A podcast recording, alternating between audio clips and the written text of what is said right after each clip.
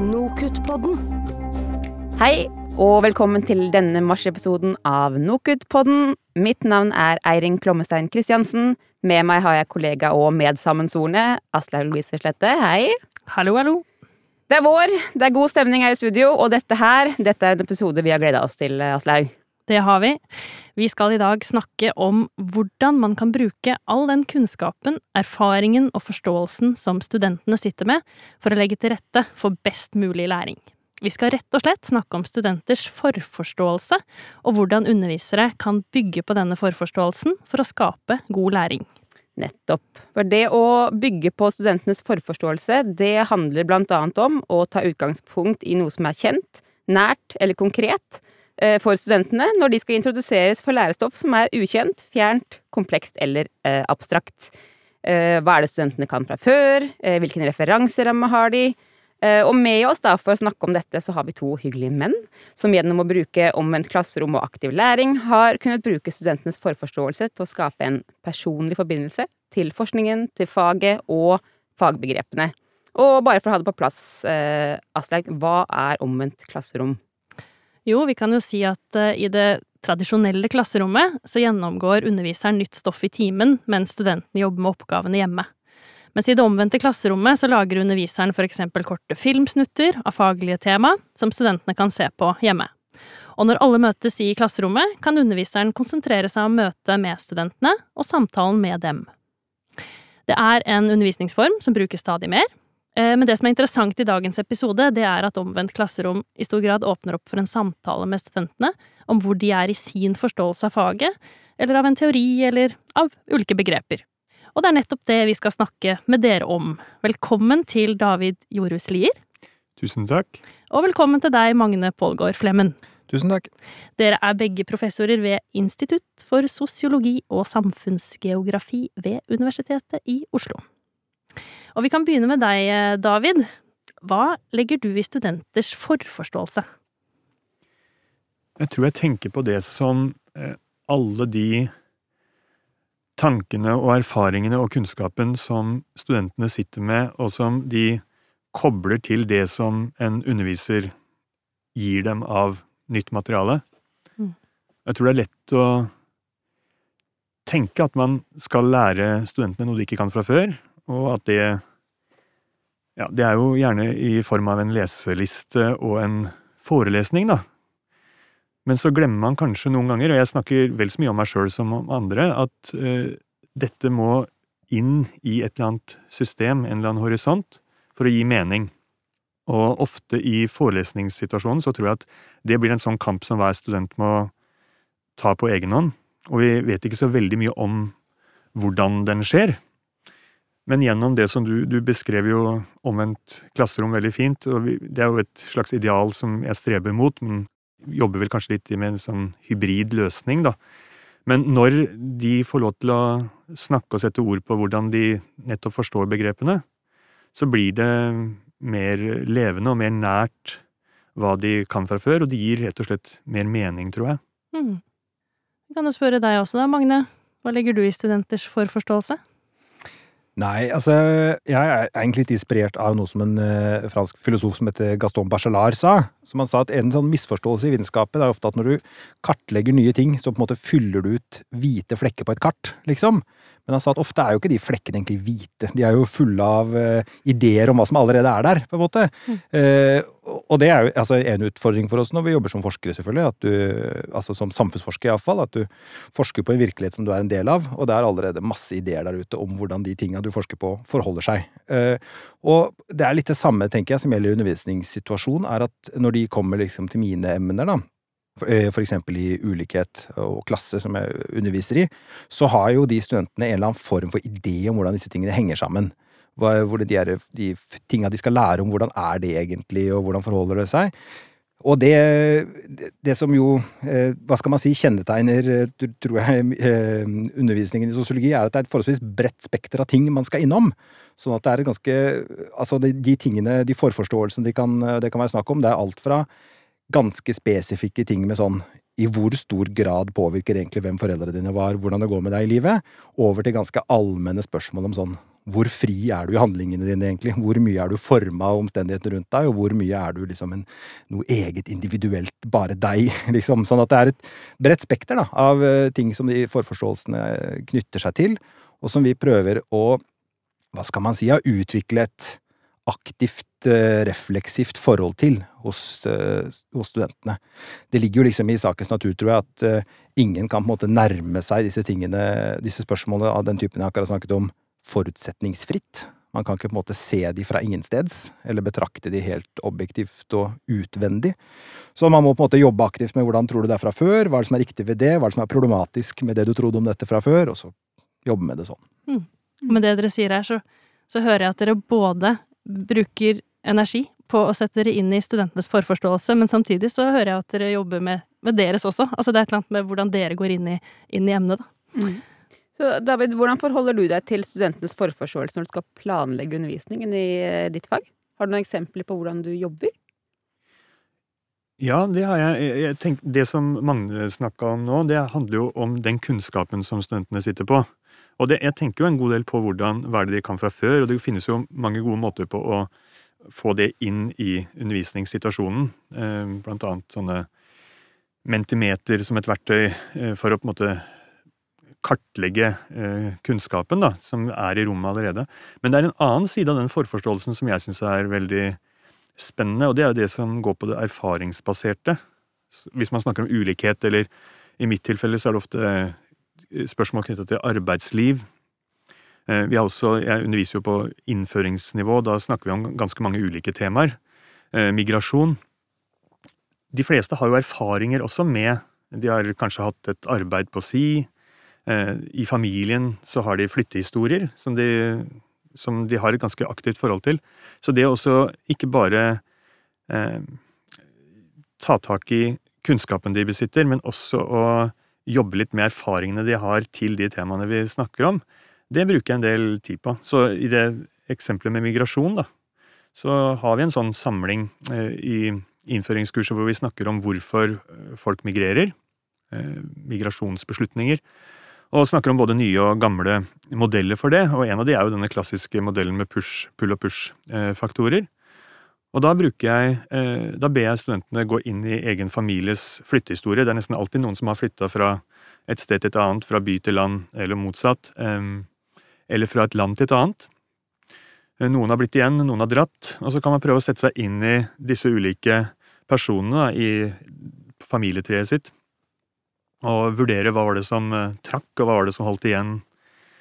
Og det gjør jo denne modellen, som kan se veldig skjematisk og abstrakt ut, eh, ganske levende, fordi man nettopp snakker om noen man bryr seg om. Så det er et sånt eksempel. Mm. Hva med deg, Magne? Har du noen eksempler på hvordan du forholder deg til det? Ja, altså en, en, utfordring som jeg i hvert fall har følt på før eh, med det spørsmålet om sosial ulikhet og klasseforhold og sånt, er at når du skal lære bort det til eh, folk på 19-20 år, så er det mye av det har de ikke så mye utarbeida forhold til, på en måte. Eller de vet at det fins, men de har ikke så mye erfaring med det eller tanker om det. Og, og for mange så er det jo sånn at deres egne ideer og forestillinger om verden er veldig forma av deres umiddelbare miljø og hvem de kjenner, og det legger veldig store føringer på hva de syns er normalt, og hva de tar for gitt. da. Sånn at litt, det jeg oppfatter som litt av utfordringen, er det å prøve å vise de studentene at de, de mønstrene og prosessene vi ser på i sosial ulikhet, det er ting som de er en del av, på en måte. Eh, og det handler om dem et stykke på vei. Sånn at én uh, ting jeg har gjort, for eksempel, er at jeg har, flere ganger brukt uh, spørsmål fra store spørreskjemaundersøkelser, som vi har resultater og forskning som er basert på, og så bedt de fylle ut. For eksempel, altså, vi har brukt sånn hva er foreldrenes utdanningsnivå? De, eller to, de to foresatte, som vi sier eller noe sånt, hva slags utdanningsnivå har de?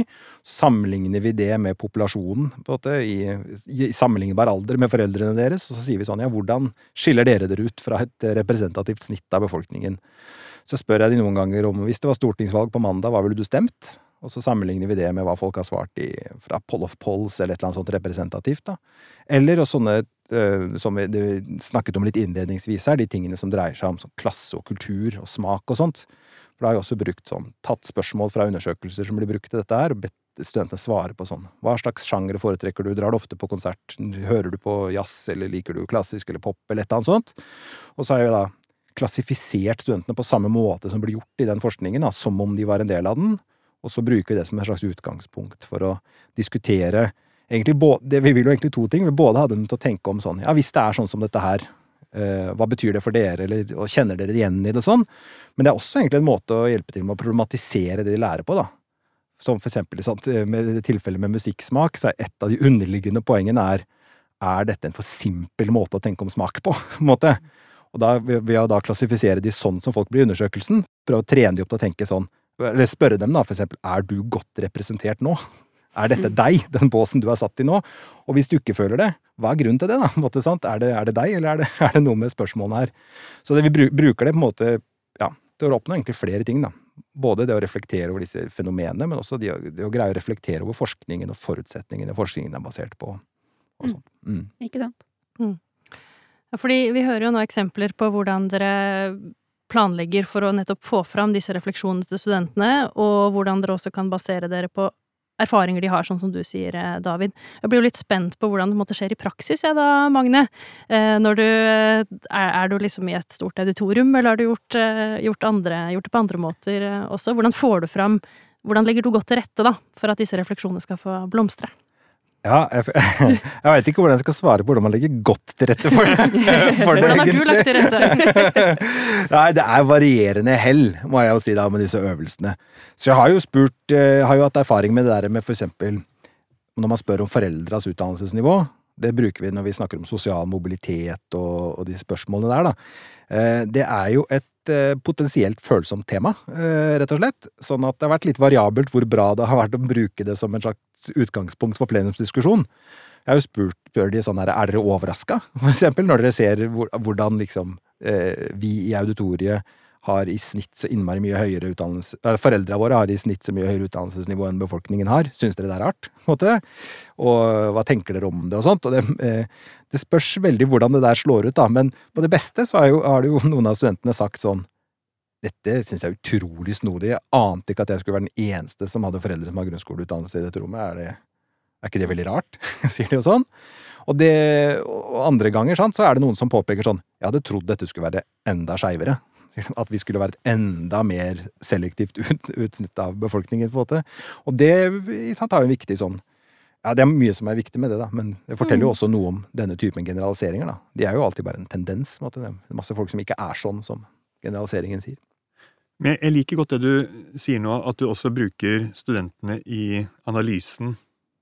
For det er jo det som er litt spennende med dette å trekke forskningsmetodikken inn i undervisningen, er jo at de kan være deltakere, på samme måte som informanter og respondenter i vår egen forskning. Men så er de òg med å analysere funnene i real time, og det er ganske gøy, da. Og, gjør jo egentlig oss klokere på de spørsmålene vi stiller i forskningen nå, vil jeg si. Fordi det er ja, flere sett med øyne og flere tanker som kommer inn i hvorfor er det sånn? Hvorfor gjør man det på den måten, eller tenker på den måten? Mm. Og så får du jo en kontekst da, for studentene som er forståelig, på en måte. Altså, Mm. det, fordi I og med at man setter dem på en måte inn dem selv inn i det, så vil det ikke så blir det på en måte ikke som en sånn forelesning som bare er sånn For det tror jeg kan skje, da. At man, nå skal jeg undervise dette temaet, så går man inn og så er jeg skal lage en skikkelig god forelesning, og så glemmer man å sette det inn i en kontekst for de som sitter og hører på, da.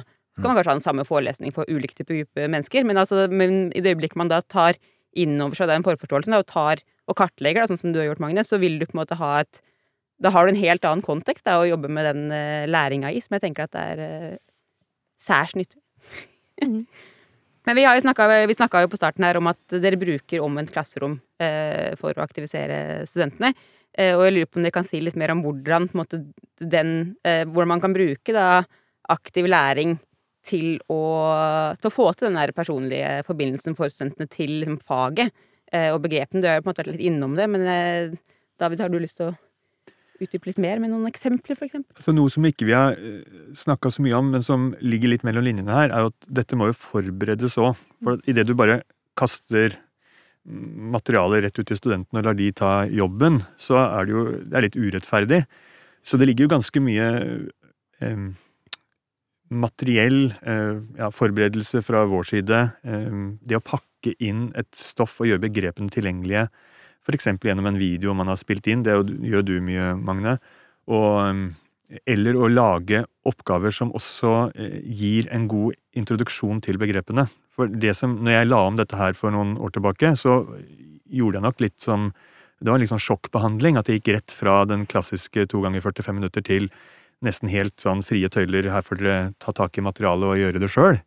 Og da fikk jeg litt tilbakemeldinger om at dette, her trengte man mer eh, retningslinjer og litt mer tilbake fra meg.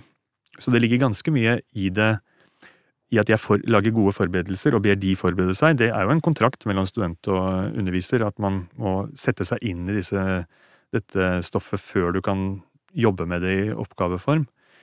Eh, så det er jo det. Og jeg har annen, et annet eksempel hvor vi, hvor vi, jobber med dette begrepet arbeidsplass. Det er jo noe som jeg er ganske interessert i mer sånn teoretisk. og det kunne jo vært noe jeg bare foreleste om, og fortalte om hvordan dette var eh, knytta til ulike kjernebegreper i samfunnsgeografien. Men eh, det jeg har gjort, da, det er å ta en fokusgruppeøvelse som vi har gjort i en studie av lagerbransjen i Norge.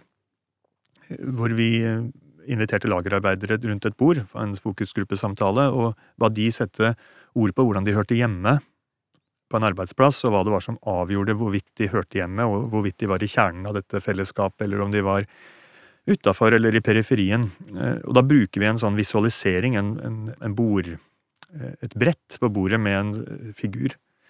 Og så har jeg fått den trykt opp i en sånn fem ganger fem meter gulvmatte. Og det her, det her, er jo ikke en typisk uh, samling i regi av meg. Dette er jo kanskje en av de litt mer aktive og morsomme uh, eksemplene. Men da bretter den da ut i undervisningsrommet, og så uh, ber jeg studentene gjøre noe av den samme øvelsen som disse lagerarbeiderne har gjort. og gir og, og prøver å rekruttere frivillig, da. Og alle har jo arbeid, eller de aller fleste har arbeidserfaring. Veldig mange har jo arbeidserfaring også fra lagerbransjen. Så det er jo ikke noe problem å på en måte finne litt levd liv, da, så man kan spille seg ut i dette rollespillet som jeg da gjør.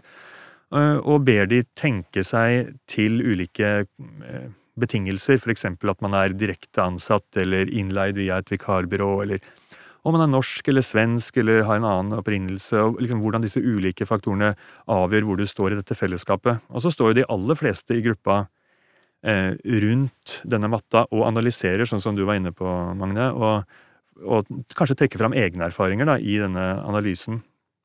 Men for at det skal fungere, så må jo disse begrepene ha gått, blitt godt planta på forhånd. Mm. Ellers så blir det jo egentlig bare en lek. Mm.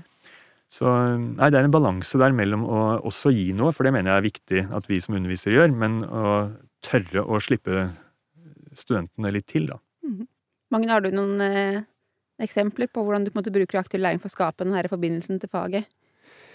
Nei, altså det mest sånn aktive jeg har gjort, var, jeg tror jeg var den derre den runden vi snakket om, eh, om, om, om, kulturell smak, som jeg akkurat var inne på i stad. Mm. For da hadde vi liksom eh, Da var det på en måte to spørsmål som, eh, som forskningen og teorien måtte være inne på der. Det ene var liksom sånn hva slags kulturelle forskjeller finnes det mellom, mellom sosiale grupper? på en måte? Og så var det spørsmål om betyr de forskjellene noe? Er det noe folk bryr seg noe om? Eh, og da hadde vi jo sånn at de var, de var først liksom putta inn i båsene sine, sånn som jeg skisserte i stad. Altså de hadde svart på disse servicespørsmålene, og, og, så jeg hadde klassifisert dem, og så fikk, fikk de vite hvilken gruppe de var på, på, måte, på i timen. Og så ble de satt i grupper etter altså hvilken bås de var i, og så skulle de diskutere seg mellom er dette riktig, men ikke minst hva tenker du om de andre båsene? Kunne du vært i en av de andre? Hva assosierer du med de der de som bare liker pop der, for eksempel? Eller hva med de der som bare sier at de liker jazz og klassisk? Hva med dem? og da kom det jo fram Det kan jo hende, altså hvem vet hva man skal tro om dette her, altså, men det kom, det kom fram veldig mye skarpe uttalelser om de andres smak, på en måte, på denne, denne måten. Nå kan det hende at de var liksom prima litt, da, for å svare litt sånn, i og med at det var temaet. Men, eh, da, men var, da, fikk de på en måte, nettopp som David sa her, da, den opplevelsen av både å være deltaker og, og analysant, kan man si, mm. i, i dette. Ja, for da går man jo egentlig enda litt lenger enn det å bare ta hensyn til hva det de kan fra før, men, og, men på en måte så eh, introduserer på begrepene på en måte som gjør at de kanskje internaliserer det enda mer da, enn man ville gjort ellers i en forelesningssal hvor du får en eller annen monolog, altså hvor du bare blir mm. fortalt hva som er greia. Samtidig så er det jo en trade-off, fordi at ved å bruke tiden man har sammen på å eh, la dette spille seg ut med studentenes erfaringer og, mm. deltakelse, så bruker man jo litt mindre tid da, på å gå inn i det komplekse, eh, detaljene som, og all tanken man selv har gjort, som ligger bak eh, begrepsforståelsen som er i pensum, eller Så det er jo en Det er noen ganger jeg tenker litt over, at man må sikre at det også finnes rom for monolog og enetale og ekspertise. Og det er jo noe studentene sier de setter stor pris på også. Så det er det å finne den balansen som jeg syns har vært krevende og litt morsomt å få til etter hvert, da. Mm. Det der er det, noe av det dobbeltheten i det, syns jeg i hvert fall. Altså, er jeg føler Når jeg holder på sånn, jeg er jo ikke sikker på om det er riktig å gjøre dette her. liksom. Er det riktig prioritering av tiden? Mm. Jeg blir ofte sånn, Vi står jo veldig ofte for i hvert fall jeg føler det er et sånn vanlig dilemma i forelesningssituasjoner eller undervisningssituasjoner på universitetet. Du vil liksom ha studenten i tale. Eh, men ofte så minnes jeg hvordan jeg selv var som student, og det var det siste jeg ville skulle foregå i disse timene, liksom. Altså, kan ikke du forklare isteden, kan du gi andre tid stille, og så kan du liksom få høre ferdig hva den uh, foreleseren sier. Så jeg, ja, jeg er jo litt blanda på det. Jeg tenkte også mye på dette når jeg tok sånn universitetspedagogikk. For da skulle vi liksom ut og ha sånn gruppeobservasjon, heter det, hvor du skal se på åssen andre folk underviser på andre fag. Uh, og der er det jo sånn at på universitetet så er jo, for eksempel, er jo uh, medisin er jo numerisk i flertall.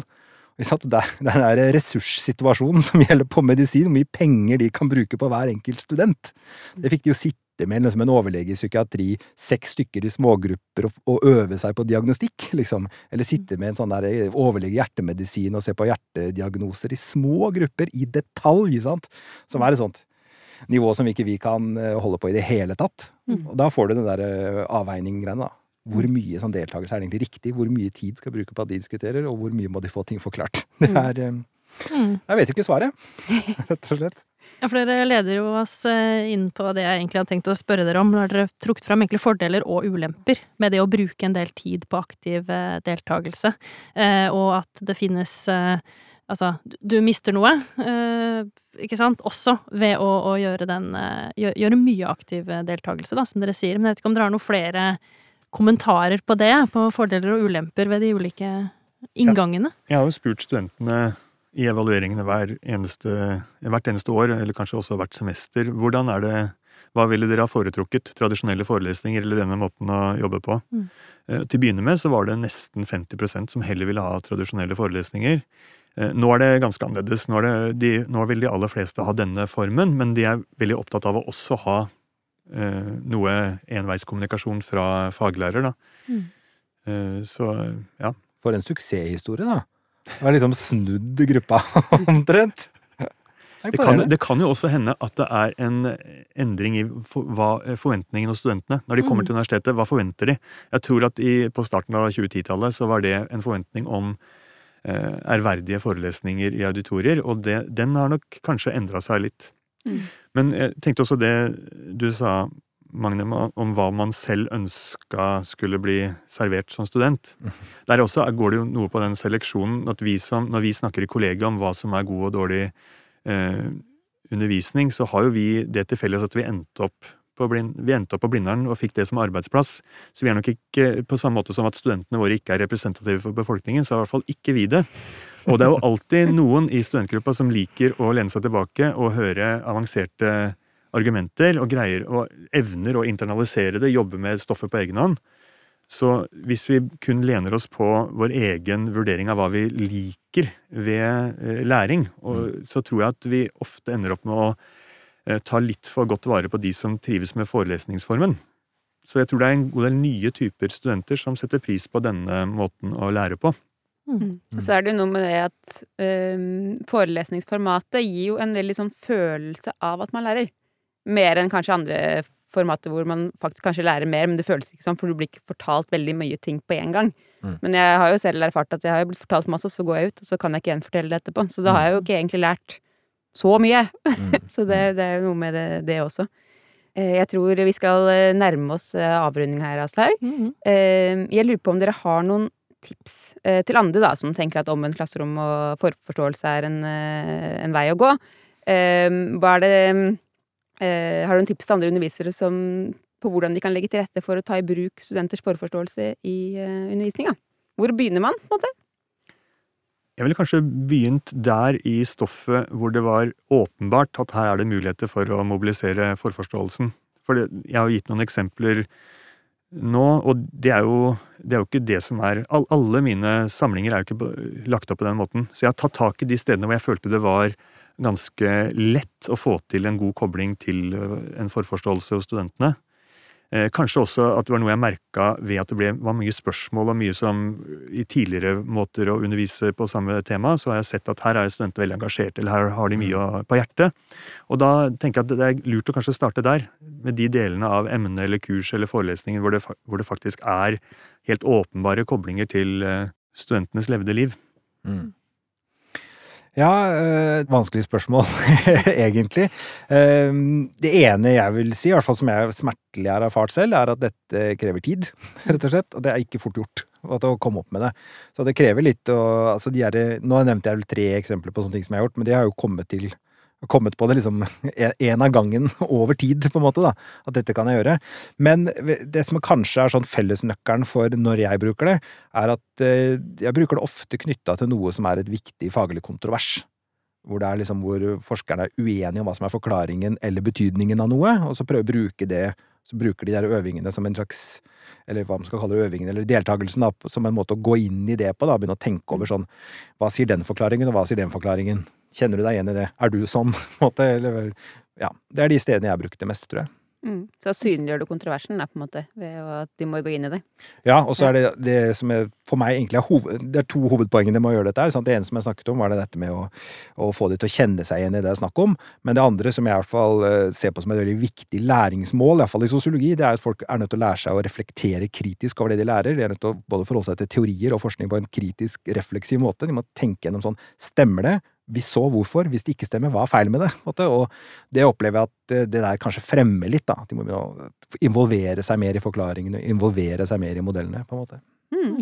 Samtidig må vi jo tenke at studenter på et universitet skal greie å lære noe selv når ikke de koblingene til en sjøl er så tydelige. Og mm. du snakka om sosiologi, Magne, men jeg er jo samfunnsgeograf, og vi har jo en tradisjon for å forske på eh, ting der ute i verden. Og veldig mange av våre forelesninger krever jo at studentene er i stand til å se hvordan ja, et spørsmål om arbeidsplass også handler om noe som skjer i Namibia eller i Chile. Og det skal jo ikke slutte å være sånn. Det skal fortsatt være sånn at man kan abstrahere, kan eh, se eh, ting på avstand. Så det å ja, fase det inn, sånn som du foreslår, det tror jeg er en veldig god eh, et godt råd. Mm. Da starter man jo derfra det, det som er nært for studenten, da, seg selv til å på en mm. måte kunne forstå det som er langt der ute, holdt jeg på å si, Chile. Mm. Eh, ja, ja, Fra det nære til det fjerne, som jeg hadde en professor som sa en gang. Det er i hvert fall sikkert at dette er et tema man kan snakke om eh, lenge. Eh, jeg håper dere som er der ute nå, sitter og tenker litt på hvordan dere kan finne fram til å bruke studentenes forforståelse i deres undervisning. Det er i hvert fall ingen tvil om at det er nyttig og det er givende, og ikke minst tror jeg det gir mange gode og veldig spennende samtaler med studentene i det øyeblikket man skal åpne opp for å, å ta studentenes uh, levde liv uh, inn i sin egen undervisning. Uh, takk for at du hørte på, og takk til deg, Aslaug. og til dere to, David og Magne. Takk for at vi fikk komme. Tusen takk. Vi høres. Nokutpodden.